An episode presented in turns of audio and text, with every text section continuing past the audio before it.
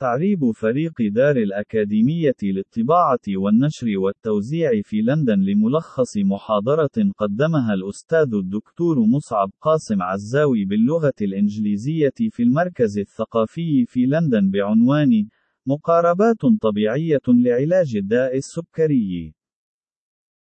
سوف نحاول فيما يلي مناقشة التفاعل بين السكر والكربوهيدرات والنشويات من جانب، والتمثيل الغذائي والصحة العامة من جانب آخر، حيث سوف نسعى لمقاربة مجموعة من الاضطرابات في عملية الأيض أو التمثيل الغذائي لدى مصاب مرض السكري، وذلك بداية من الحالات المبكرة للإصابة بالسكري وصولا إلى حالات الإصابة الصريحة بمرض السكري. ولكن، يجدر ملاحظة أننا لن نتناول بالنقاش حالات الإصابة بمرض السكري الذي يحدث في وقت مبكر من الحياة نتيجة لفشل البنكرياس، وهو الذي يعرف على أنه النوع الأول من مرض السكري. وعليه، فنحن معنيون في هذا السياق بتناول نوع أكثر شيوعًا من مرض السكري، والذي ينجم عن طبيعة أسلوب الحياة الذي نعيشه، ويشمل ذلك نوعية الغذاء الذي نتناوله ومدى نشاط الشخص من الناحية البدنية وكذلك الطريقة التي يتعامل بها مع ما يتعرض له من ضغوط وتوتر. وهذا النوع الذي نحن بصدد مناقشته يطلق عليه مرض السكري من النوع الثاني. كما أننا سنزيح الستار أيضا لنكشف عن بعض الأدوات التي يمكن أن تساعدك على تجنب الإصابة بمرض السكري، بل ومن الممكن أن تؤدي إلى الشفاء منه والتخلص من أعراضه أو تخفيف مفاعلها. من الأهمية بمكان أن نعرف حقيقة أن مرض السكري يعتبر من أهم عوامل الخطر الرئيسية التي تؤدي إلى الإصابة بأمراض الكلى، وقد يصل الأمر إلى الحاجة إلى غسيل الكلى، علاوة على خطر الإصابة بأمراض القلب والسكتة الدماغية، بل في واقع الأمر يمكن القول أن مرض السكري من الممكن أن يؤثر على كل عضو في جسم الإنسان وذلك من دون استثناء. لذلك، فنحن بحاجة إلى التفكير بشأن تشخيص مرض السكري في ضوء اعتباره نتيجة نهائية لسلسلة أطول بكثير من الأعراض، حيث تبدأ هذه السلسلة بحالات مقاومة الأنسولين، هي حالة فيزيولوجية حيث يصبح الهرمون الطبيعي أو الأنسولين أقل فاعلية من ناحية تخفيض مستوى السكر في الدم عبر إدخال السكر الجائل في الدم إلى داخل الخلايا لاستخدامه في وظائفها الاستقلابية الداخلية، بالتوازي مع حدوث المتلازمة الاستقلابية، وتعرف أيضًا بمتلازمة التمثيل الغذائي أو المتلازمة الأيضية، وذلك في مرحلة سابقة لظهور أعراض المرض على الشكل المعروف لحالات الإصابة بمرض السكري بشكل صريح، وترجع أهمية الالتفات إلى هذه المراحل المبكرة إلى وجود بعض العلامات التي تشير إلى هذا المرض والتي يمكن معالجتها والانتباه لها وذلك حتى قبل أن تظهر اختبارات الدم أن الشخص مصاب بمرض السكري.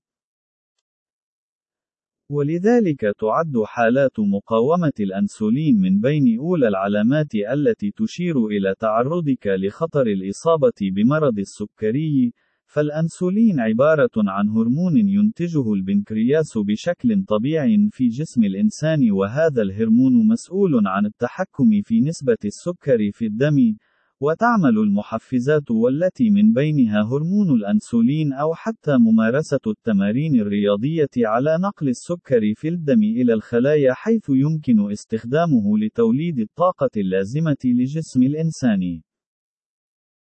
وهكذا يتضح لنا أن حدوث حالات مقاومة الأنسولين تؤدي إلى الإخلال بمسير عملية نقل السكر إلى خلايا الجسم بشكل صحيح، وهو ما يحدث في غالب الأمر بسبب حالة الإنهاك التي تصاب بها مستقبلات الأنسولين الموجودة على سطح الخلايا المتلقية وذلك نتيجة لحالة التحفيز المتكررة والتي قد تكون بدون توقف تقريبا التي تحصل عندما يستهلك الشخص كمية من الكربوهيدرات والسكريات بقدر يتخطى ما يحتاجه الجسم في حقيقية الأمر.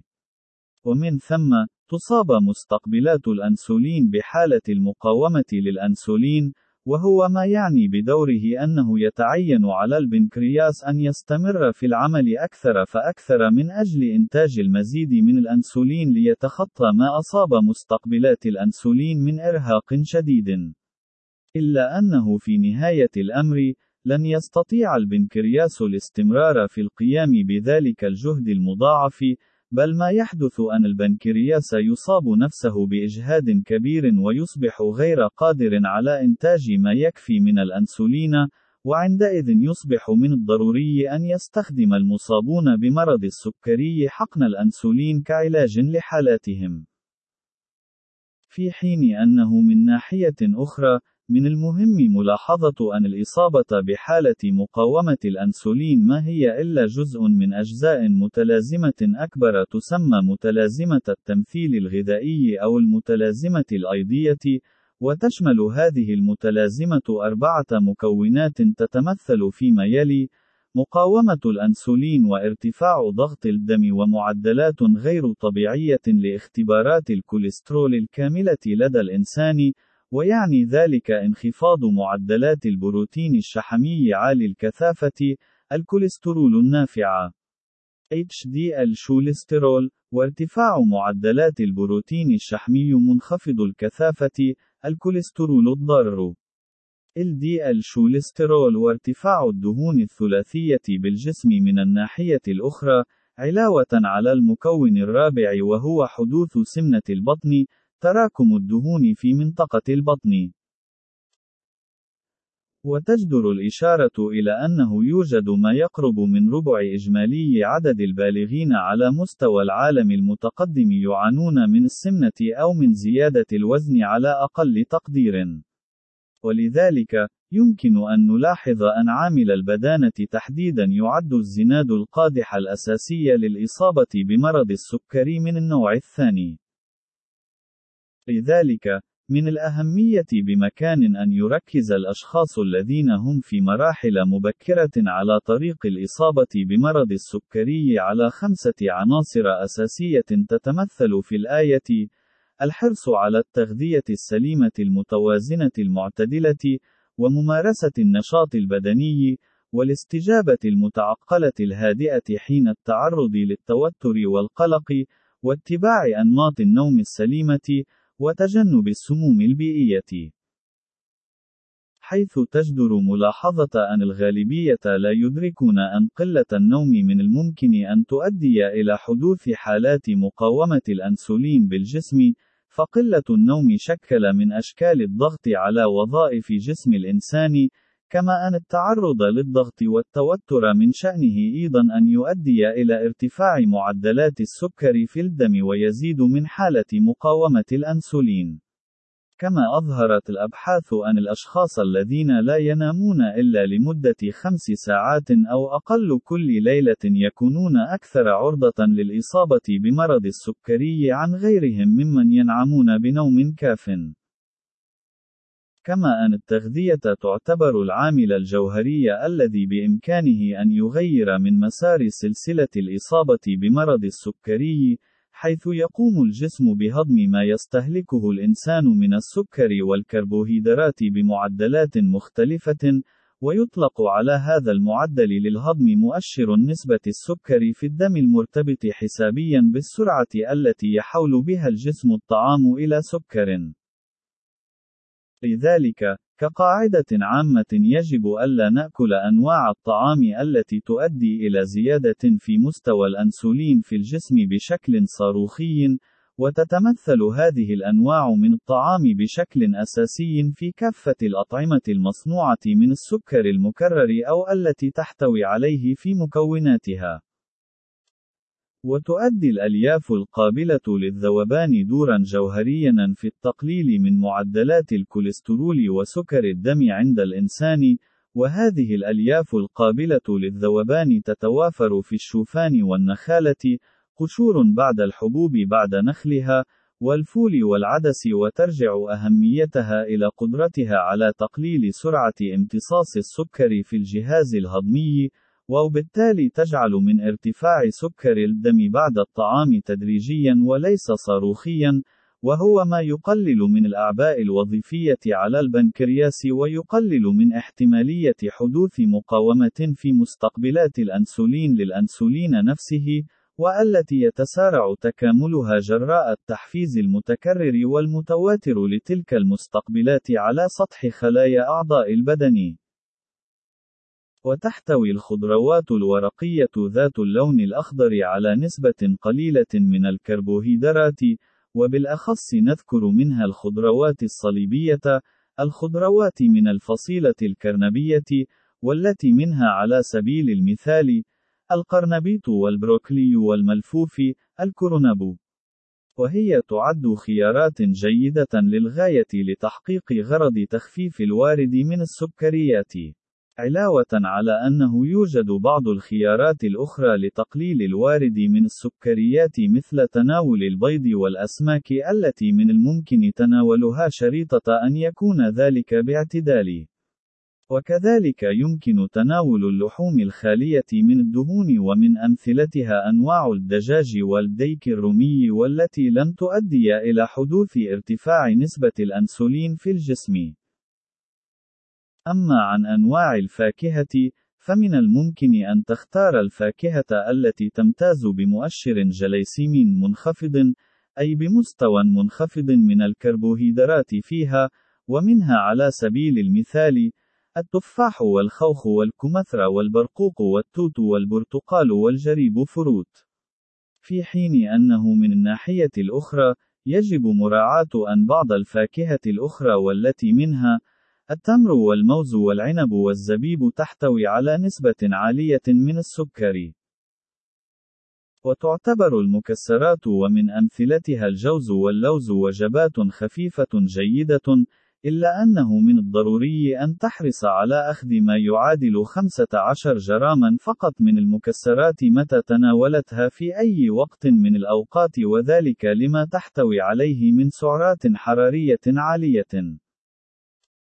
ومن أمثلة الوجبات الخفيفة التي تجدي نفعًا أيضًا في الوقاية من ارتفاع سكر الدم المفاجئ، من الممكن تناول أعواد الكرفس والجزر الصغيرة، حيث يمتاز الجزر بأنه يحتوي على حمل جليسيمي منخفض من ناحية، وعلى وجود نسبة عالية من الألياف به من الناحية الأخرى، لذلك، فهو يساعد على امتصاص السكر ببطء ويخفض نسبة السكر في الدم. ومما سبق يتضح لنا أنه إذا ما كان الشخص يحاول خفض معدلات السكر في الدم، فإن هذا يعني أنه يحتاج إلى إيجاد بدائل صحية يستعيد بها عن تناول البسكوت والكعك والحلوى والآيس كريم، وبالإضافة إلى ذلك، يجب الابتعاد عن شرب الصودا أو عصير الفاكهة أو الكحول. بل أنه أيضا سيتعين على الساعي لتخفيض معدلات سكر الدم في بدنه أن يتوصل إلى بعض البدائل لكل طعام لونه أبيض، ومن أمثلة الأرز والخبز الأبيض أو الكعك المعد من دقيق الأرز أو البطاطس.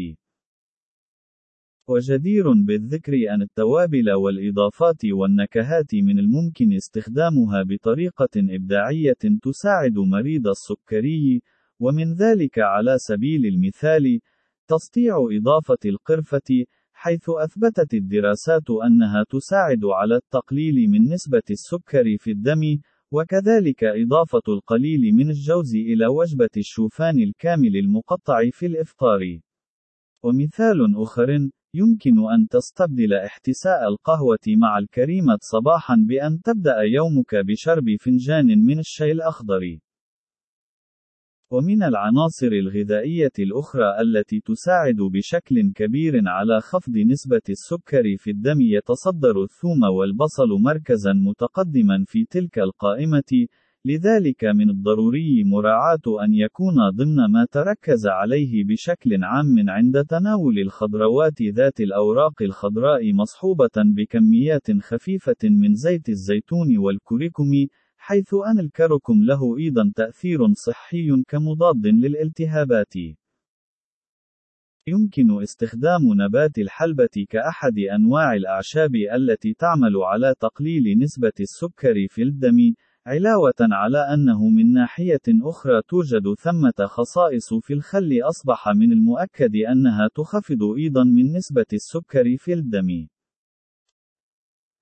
وبالإضافة إلى كل ما تقدم، من المهم أن يخصص الشخص وقتا من أجل ممارسة الرياضة، حيث أن ممارسة الرياضة تعمل على بناء العضلات وتقلل من الإصابة بحالة مقاومة الأنسولين وذلك عن طريق زيادة المرونة بالنسبة لخلايا العضلات وتقليل ضغط الدم وتحسين مستويات الكوليسترول كما تعزز من شعورك بالسعادة والتمتع بالعافية. وفي هذا السياق، تستطيع الاستعانة بجهاز عداد الخطى، وهو عبارة عن جهاز صغير يحسب عدد الخطوات أو المسافة التي يقطعها الشخص أثناء المشي، وحدد لنفسك هدف أن تمشي ما يصل إلى عشرة آلاف خطوة كل يوم. وتوجد فائدة من أهم الفوائد الإضافية لممارسة التمارين الرياضية والتي تتمثل في أنها تساعد على النوم بشكل أفضل، وتتضح أهمية ذلك في أن النوم بشكل سليم وكاف كما أشرنا آنفا يعد خط الدفاع الأول ضد الإصابة بمرض السكري.